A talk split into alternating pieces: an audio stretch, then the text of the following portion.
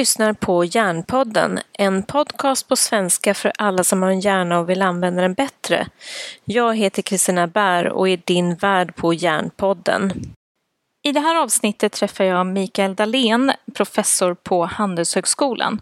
Och vi ska inte prata särskilt mycket ekonomi, utan mer om människans superkrafter.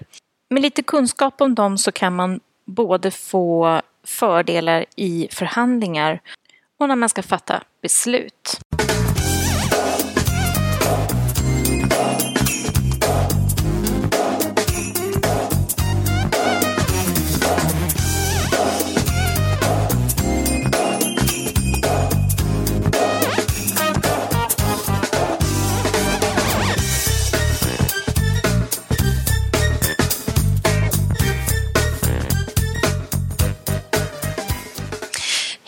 Välkommen till Järnpodden. Idag har jag med mig en spännande person som kommer från ett område som är helt vitt skilt från mig men som ändå liksom möter i någonting viktigt, nämligen att försöka göra världen till en lite bättre plats.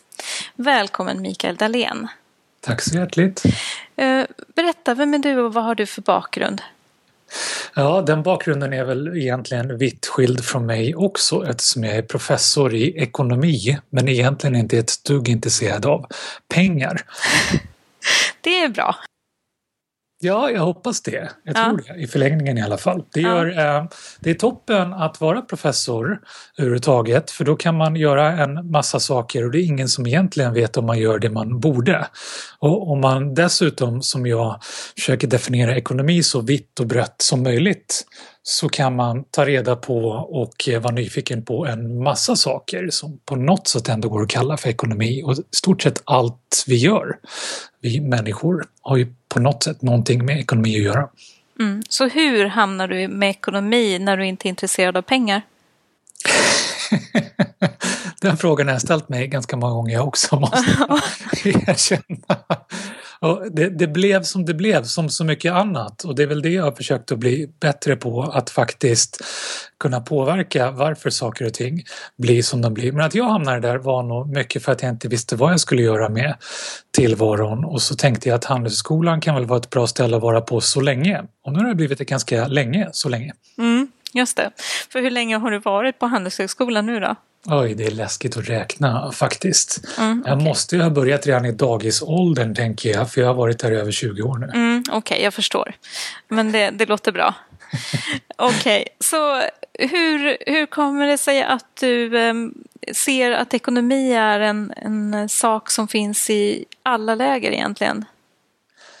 För att om vi tänker tanken att pengar är inte det enda som påverkar oss i vad vi kan och inte kan göra utan också sådana saker som hur mycket tid vi har, hur mycket energi vi har och hur mycket vi förstår att vi kan använda den här tiden och energin och våra olika kompetenser så, så blir det ju i stort sett allt vi gör även utanför plånboken. Ja just det, så att egentligen så handlar det om att hitta någon form av balans i systemen oavsett vad vi pratar om. Ja, precis. För, för mig är ekonomi att göra tillvaron så bra för så många människor som möjligt tillsammans. Och där är pengar en liten, liten del, men den tenderar, tycker jag, att bli mindre och mindre viktig för allt fler. Mm, och det håller jag med om att det är ganska sorgligt, särskilt om man ska göra världen till en bättre plats. Mm, eller hur? Mm.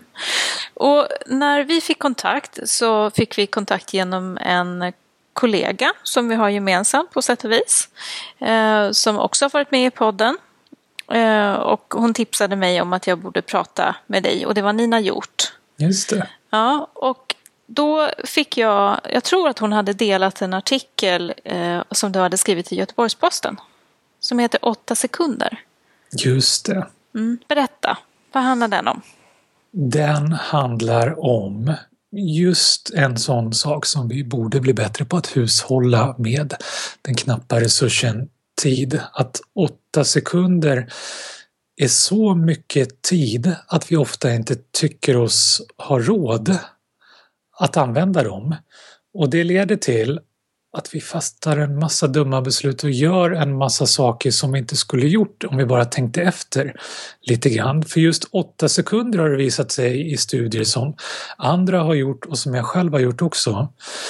Ehm, det är ungefär så lång tid det tar att få upp hjärnan i varv så den kan göra såna här svåra saker som att eh, sätta sig in i andra människors situation, att se likheter och olikheter, bli mera förstående, empatisk och alla de här sakerna som i mångt och mycket handlar om att vara mänsklig tycker jag. Mm. Och då tänker vi mänsklig i min värld som pannloben, alltså använda vår eh, tänkande förmåga, det som skiljer oss egentligen från övriga djur.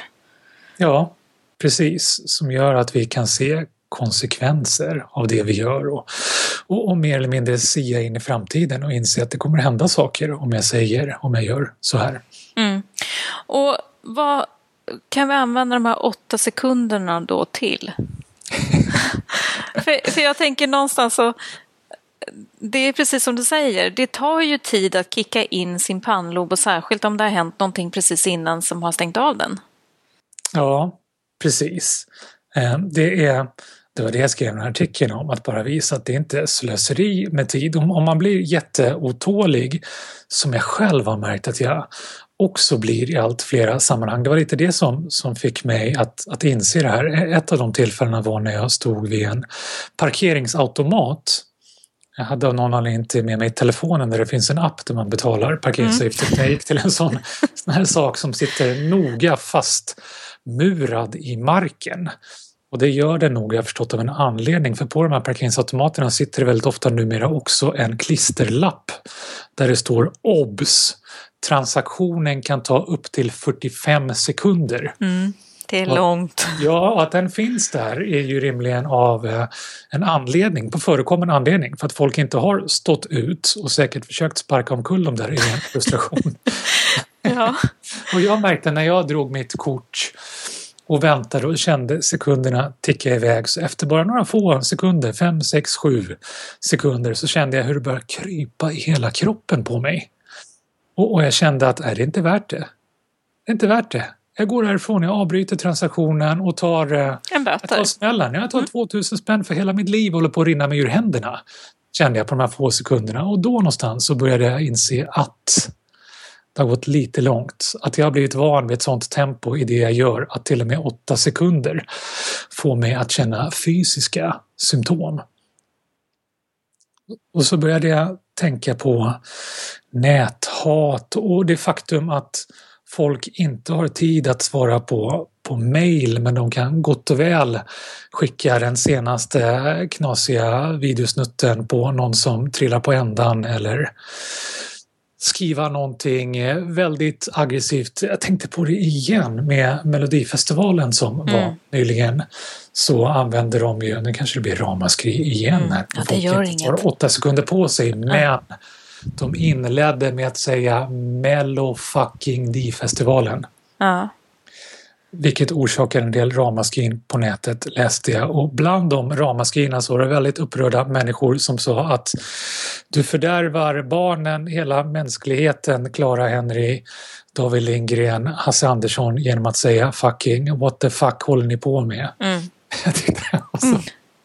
fantastiskt. Alla dessa svordomar som de fick sig till livs i reaktion på att de hade svurit i TV. Mm. Det sa någonting om att de här människorna som skrev det har inte heller tänkt till. Nej, och de har inte heller haft sekunder. Eh, åtta sekunders betänketid innan de tryckte på sänd. Precis. Och det finns så mycket sånt. Det, det, är så många saker vi gör och säger och väldigt mycket just med, med tummarna.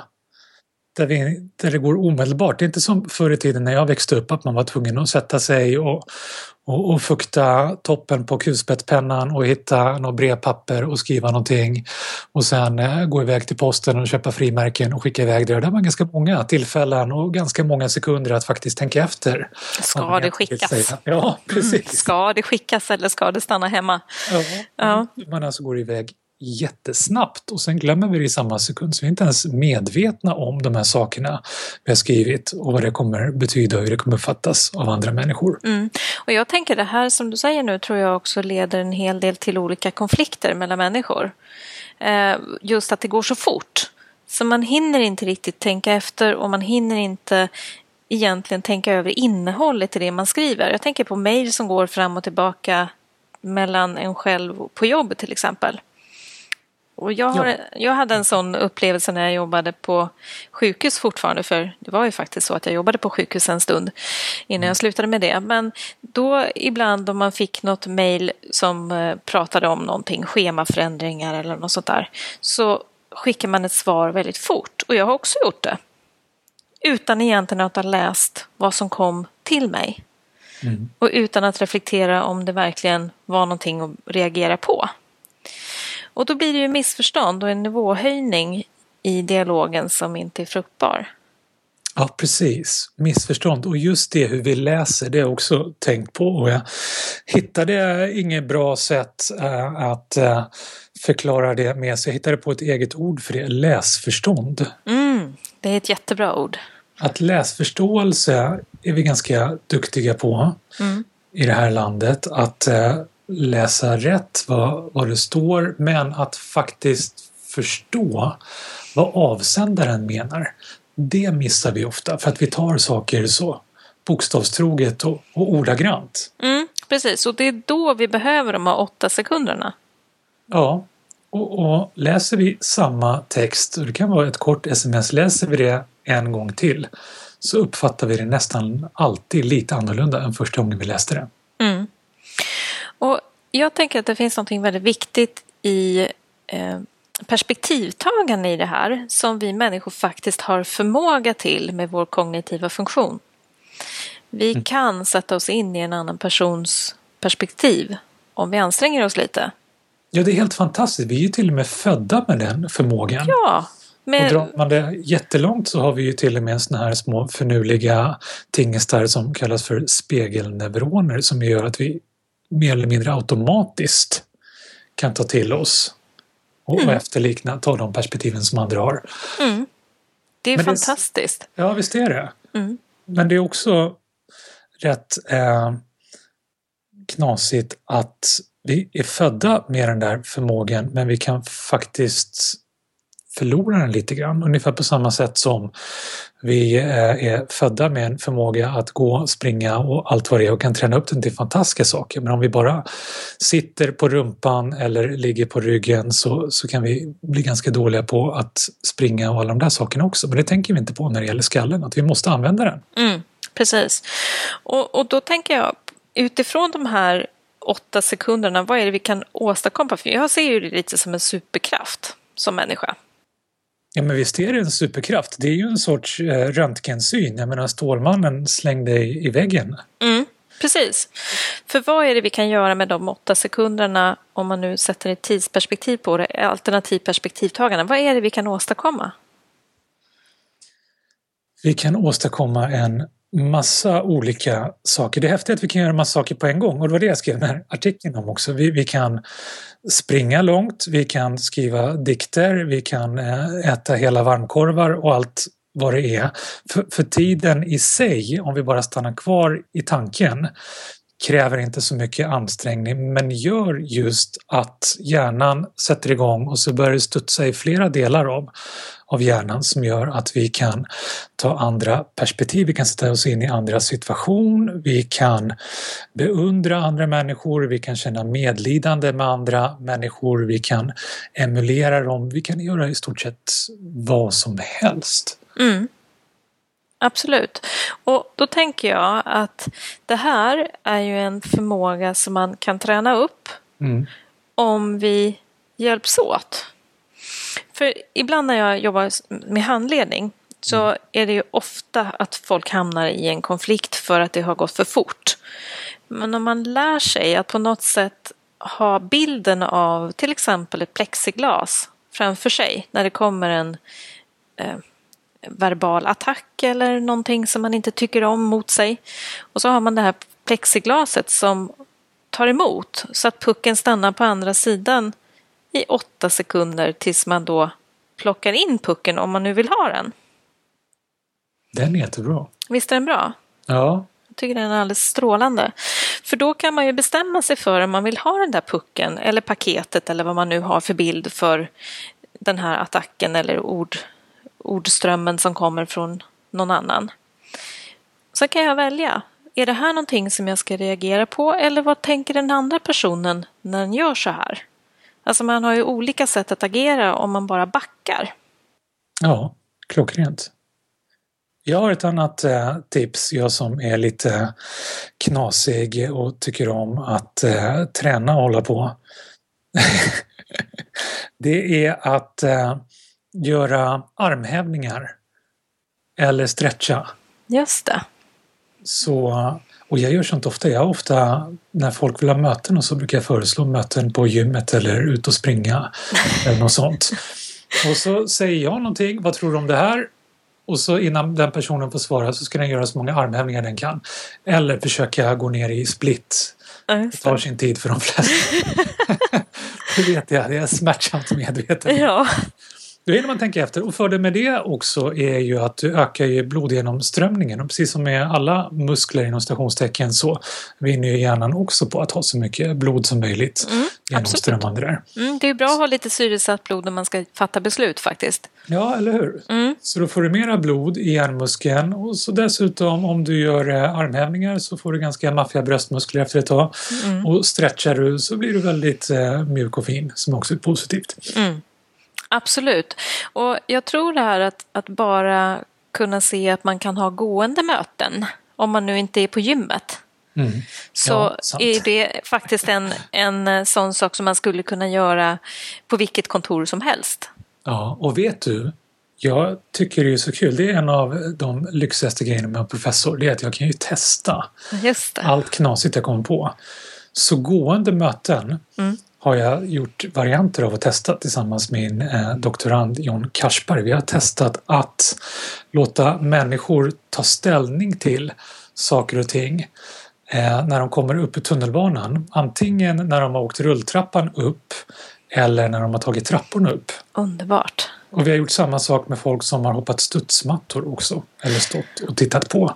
Och det visar sig att människor som då har rört på sig eh, är mera positivt inställda har lättare att se fördelar mm. i det här som man presenterar för förslag, beslutsunderlag och så vidare. De är mera vidsynta, bokstavligt mm. talat. Det är lite coolt, för det ni har gjort det är att testa hjärnforskningens eh, genomflödesforskning, kan man säga, blodgenomströmningsforskning mm. i praktiken. Just det. Och få fram den här mentala flexibiliteten som ökar, att se flera perspektiv och så. Mm, visst är det häftigt? Jättekult! Och en annan grej som jag tänkt på också och där vaknar väl det lilla uns av ekonom som finns i mig. Den brukar jag köra med mina barn, det är att faktiskt se de här åtta sekunderna som en värdefull resurs. Mm. Och inse att eh, vi har ju sammanlagt nästan 90 90 000 sekunder till vårt förfogande varje dygn. Så vi har en väldig massa och är rika som troll mm. i så mått. Och, och, bara tänka på den gåvan man kan ge någon annan med de åtta sekunderna. Mm enormt värdefullt. Det har jag mm. testat med, med mina barn. Ja, vi, vi kommer att prata om, om det någon gång, jag vet inte varför. Det kanske var Hasse Andersson i Melodifestivalen igen. Men, men att ge någon fingret ja. var ju inte särskilt fint när jag växte upp. Nej, just det. Men det verkar inte mina barn reagera över, som är 11 och 13. För de fattar inte överhuvudtaget vad, vad det betyder. För det är ingen som ger varandra fingret i deras ålder, för det är ingen som vill släppa telefonen ifrån sig så länge att man kan sträcka upp fingret. Så, det finns liksom inte.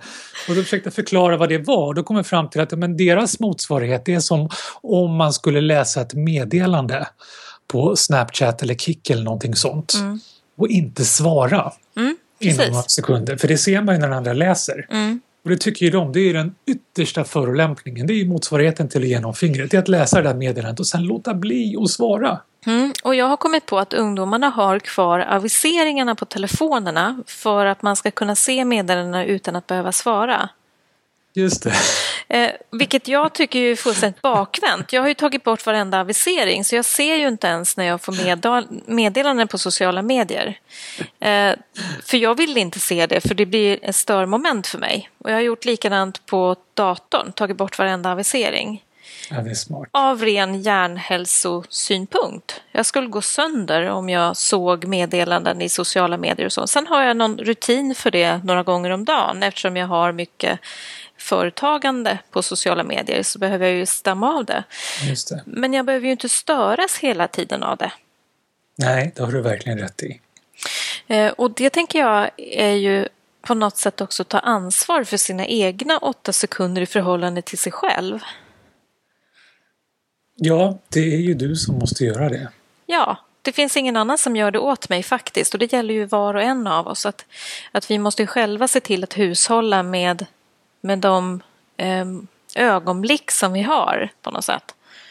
Ja, det är just det. Det är, det är som med all hälsa. Vi kan prata snabbmat, vi kan prata stillasittande och vi kan prata att saker och ting går för fort för, för huvudet att hänga med. Dessvärre så, så lär ju inte någon annan göra det åt dig utan du måste ta ansvar själv för att bromsa tiden, ta dig tiden.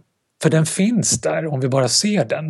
Men det är det som är så svårt för att vi har blivit, vi har blivit så vana via kalendrar och, och hela livet funkar ju så mer eller mindre att vi delar in det i veckor. Det är vecka 8 vi delar in det i veckodagar och kanske på måndag och vi kommer sällan ner i mindre enheter än timmar. Möten bokar man på timbasis, mm. aktivitet bokar vi på timbasis och så upplever vi att det finns inte tid, vi hinner inte. Men om vi ser att de timmarna egentligen döljer 60 minuter som i sin tur döljer 60 sekunder så har vi mycket mera tid än vi tror. Och så tänker jag också när vi väl då är i de här mötena att verkligen vara i de mötena och uträtta det vi borde göra under mötet istället för att vara på väg i något annat möte eller vara på väg eh, och skriva inhandlingslistan i sitt huvud eller så.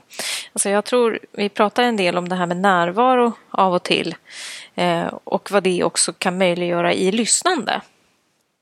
Ja, verkligen. Jag tänkte på det också när jag var på konsert senast att eh, det var svårt att se, jag var en bit upp på läktaren och hade lite svårt att se vad som hände nere på scenen därför att det var så många händer med mobiltelefoner mm. i luften framför mig. Och så såg jag mig omkring och konstaterade att där är många tusen människor som försakar sin 360-upplevelse som det så modernt heter. Mm. IMAX slängde i väggen. Nu är vi faktiskt där. Mm. Kan vrida och vända på oss precis hur vi vill och se hur mycket som helst. Och så väljer så många att reducera det till skärmar på några få tum som de håller upp i luften och, och eh, spelar in för att de tänker att men det där ska jag kunna redigera och se på sen eller skicka till någon annan som kan se sen, vilket ju nästan aldrig blir av. Ja, eller streama. Alltså ja. folk streamar direkt ifrån konserter och sänder direkt ifrån konserter nu. Jag, jag, har inte förstått hur man gör riktigt men jag är väl lite teknik, eh, tekniknörd fast utan eh, vara uppdaterad sådär. Eh, så jag tror att, att den här eh, det blir en distansering genom att vi går genom skärmen eh, mm. när vi ska uppleva någonting. Och då tror jag också vi tar mindre ansvar också för relationerna, vi tar mindre ansvar för det vi upplever. Ja, verkligen. Och det är å ena sidan eh, är det ju önskvärt att vi faktiskt ser upp från skärmarna och använder dem lite mindre, då är det toppen. Men å andra sidan, skärmarna blir vi aldrig av med så vi måste också lära oss att, att använda dem bättre mm, än verkligen. vi gör. Och jag tror här, här är ju någonting som är väldigt intressant för framtiden. Hur man ska få människor att släppa den här dopaminbelönande telefonen. För det är ju verkligen en stimulans. Så fort det händer någonting på telefonen så får vi ju en liten kick. Mm. Det är bara att inse.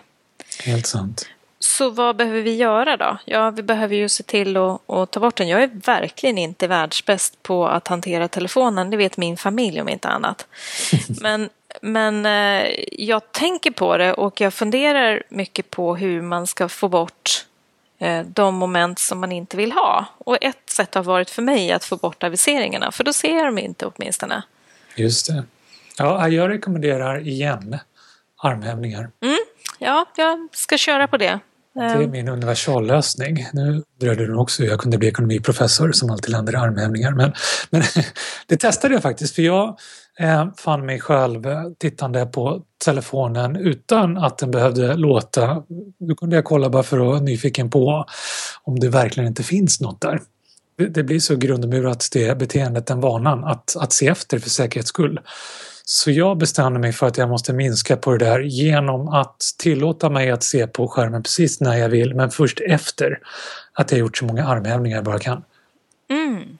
Det var toppen! Det blev en helsikes massa armhävningar och eh, tröjan smet åt bra över bröstkorgen men gjorde också till slut att det blev så jobbigt och omständligt att eh, den eh, vanan kvävde sig själv. Ja, just det. Och det blir särskilt intressant om man ska åka tunnelbana och sådär. Ja, det är lite extra kul. Ja, Det får man precis. bjussa på. Ja, Mikael Dahlén ligger på T-centralens tunnelbanestation och gör armhävningar. Ja, det blev en del sånt kan jag erkänna. Är det sant? Blev det det? Gud, vad roligt. Då hade man ju var, velat vara där. Spännande. Nej, men jag tänker då också, det som du skrev i din artikel som jag fångades av också, det är de här åtta sekundernas möjlighet till empati. Mm. Och jag vill gärna bara lyfta det innan vi kommer vidare. För att empati är ju någonting som kräver att vi lugnar ner oss en aning. Sant. Så eh, kan du på något sätt ge något tips i liksom hur, hur, hur man ska göra i det här? Jag har min idé, men har du någon bild av det där med empati? Vad ska vi med den till? Ja, börjar du så kan jag lägga till användningen sen. Jag tänker ju att empati är ett bra sätt för att man ska få eh, förstå hur en annan tänker. För att man ska kunna förstå hur en annan känner. Eh, och också se de där ordlösa signalerna som vi annars inte lägger märke till men som ändå är ledtrådar. Och jag tänker att kroppsspråket är ju enormt rikt. Ja, verkligen. Kroppsspråket skickar ju iväg saker som vi inte ens själva är medvetna om att vi är, tycker, tänker och gör. Och märkligt nog så har vi ju lättare att snappa upp det i andra än oss själva. Precis. Och det häftiga genom spegling är att vi faktiskt kan se i andra vad vi själva gör också. I hur de reagerar på oss men också hur de speglar oss. Så vi lär oss mer om andra men vi lär oss också mer bokstavligt talat om oss själva. Vilket är jättevärdefullt. Och då tänker jag, då kommer de här åtta sekunderna att bli hårdvaluta. Ja, de är ju det. Mm. De är ju hårdvaluta för att du får ju, om vi nu tänker eh, lite businessaktigt så här och förhandling och allt det, du får ju ett väldigt övertag.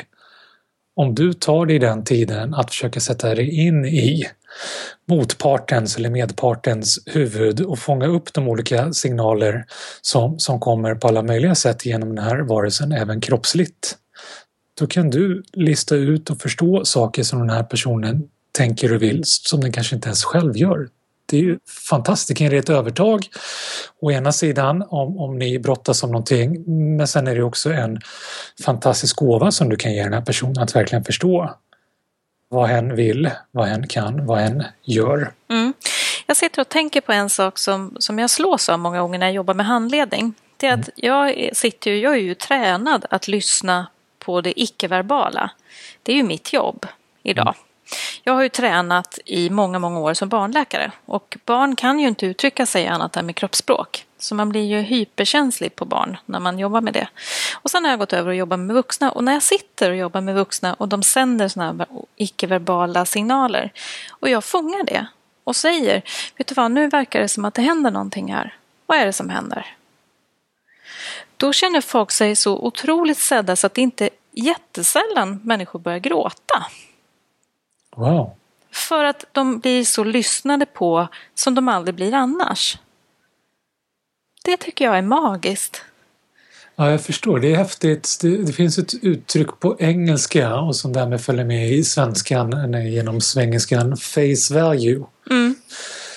Det är, det är ju någonting konstigt för när vi pratar om face value, att vi tar saker vid face value så betyder det att vi, vi tar saker utan att tänka efter så mycket, det vi ser, Mm. det vi möter. Men det handlar ju inte om face, om ansikte, utan det handlar ju om att vi tar människor på orden. Mm. Och det får vi lära oss som vuxna. Mm.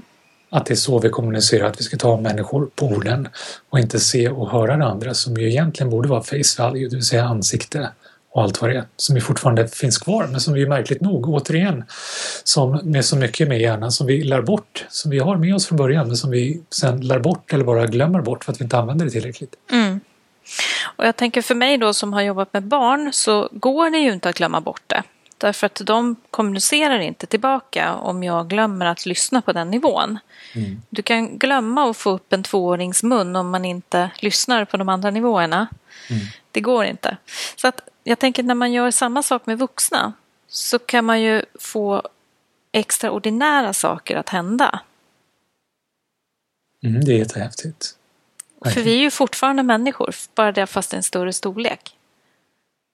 Ja, precis. Precis så. Så om man ska göra världen till en bättre plats, vad är det vi ska göra, tycker du? Har du några bra förslag? Mm, använd de där superkrafterna som tar lite tid att värma upp innan de presterar så bra som de kan. Hur bra de kan, det vet vi inte ens. Tänk om alla verkligen tog sig den tiden jämt. Vi är jättelångt ifrån det. Det vore ju en dröm att se vad som händer, men vi kan alla bli lite duktigare på att göra det lite då och då. Varje gång vi gör det är ett steg på vägen. Och det kan vi göra med, med hjälp av armhävningar eller plexiglas eller att bara tänka ekonomiskt och inse vad fantastiskt det är att man kan ge någon annan åtta sekunder och att inte svara omedelbart på ett meddelande. Se det här jobbiga S-bock som dyker upp. Att det inte är att ge någon fingret utan tvärtom att det är en stor fin omhuldande kram. Att börja tänka i de termerna. Mm. Ja, jag håller med. Det lyssnandet är någonting som jag tror på. Mm. Och jag tror att det kommer när vi ger oss och varandra åtta sekunder. Eller hur? Mm. Det är värt att försöka. Ja, verkligen. Tusen tack Mikael för att du ville vara med i Järnpodden. Och eh, det var väldigt intressant att prata med en ekonomiprofessor. I Järnpodden. Hjärtans tack för att jag fick vara med. Ja, tack så mycket. Tack. Du har lyssnat på det 55 avsnittet av Järnpodden och dagens gäst var ekonomiprofessor Mikael Dahlén. Järnpodden drivs av mig i samarbete med Järnfonden. Och Järnfonden är en ideell insamlingsstiftelse utan statligt stöd som har till uppgift att samla in och fördela pengar till forskning samt informera om hela hjärnan och alla dess sjukdomar, skador och funktionsnedsättningar. Järnfonden är helt beroende av gåvor och testamenten från privatpersoner och av företagssamarbeten. Så om du tycker om Järnpodden och du tycker hjärnan är viktig, ge en gåva på järnfonden.se och stöd hjärnforskningen. Glöm inte att skriva Hjärnpodden i din gåva så vi vet var pengarna kom ifrån. Vill du få tag i mig så mejlar du på kontakt hjärnpodden.se. Det går också bra att kommentera avsnittet på Acast eller på exist.se. Hjärnpodden har ju också en egen sida på Facebook och där går det också bra att kommunicera direkt med mig. Hej så länge!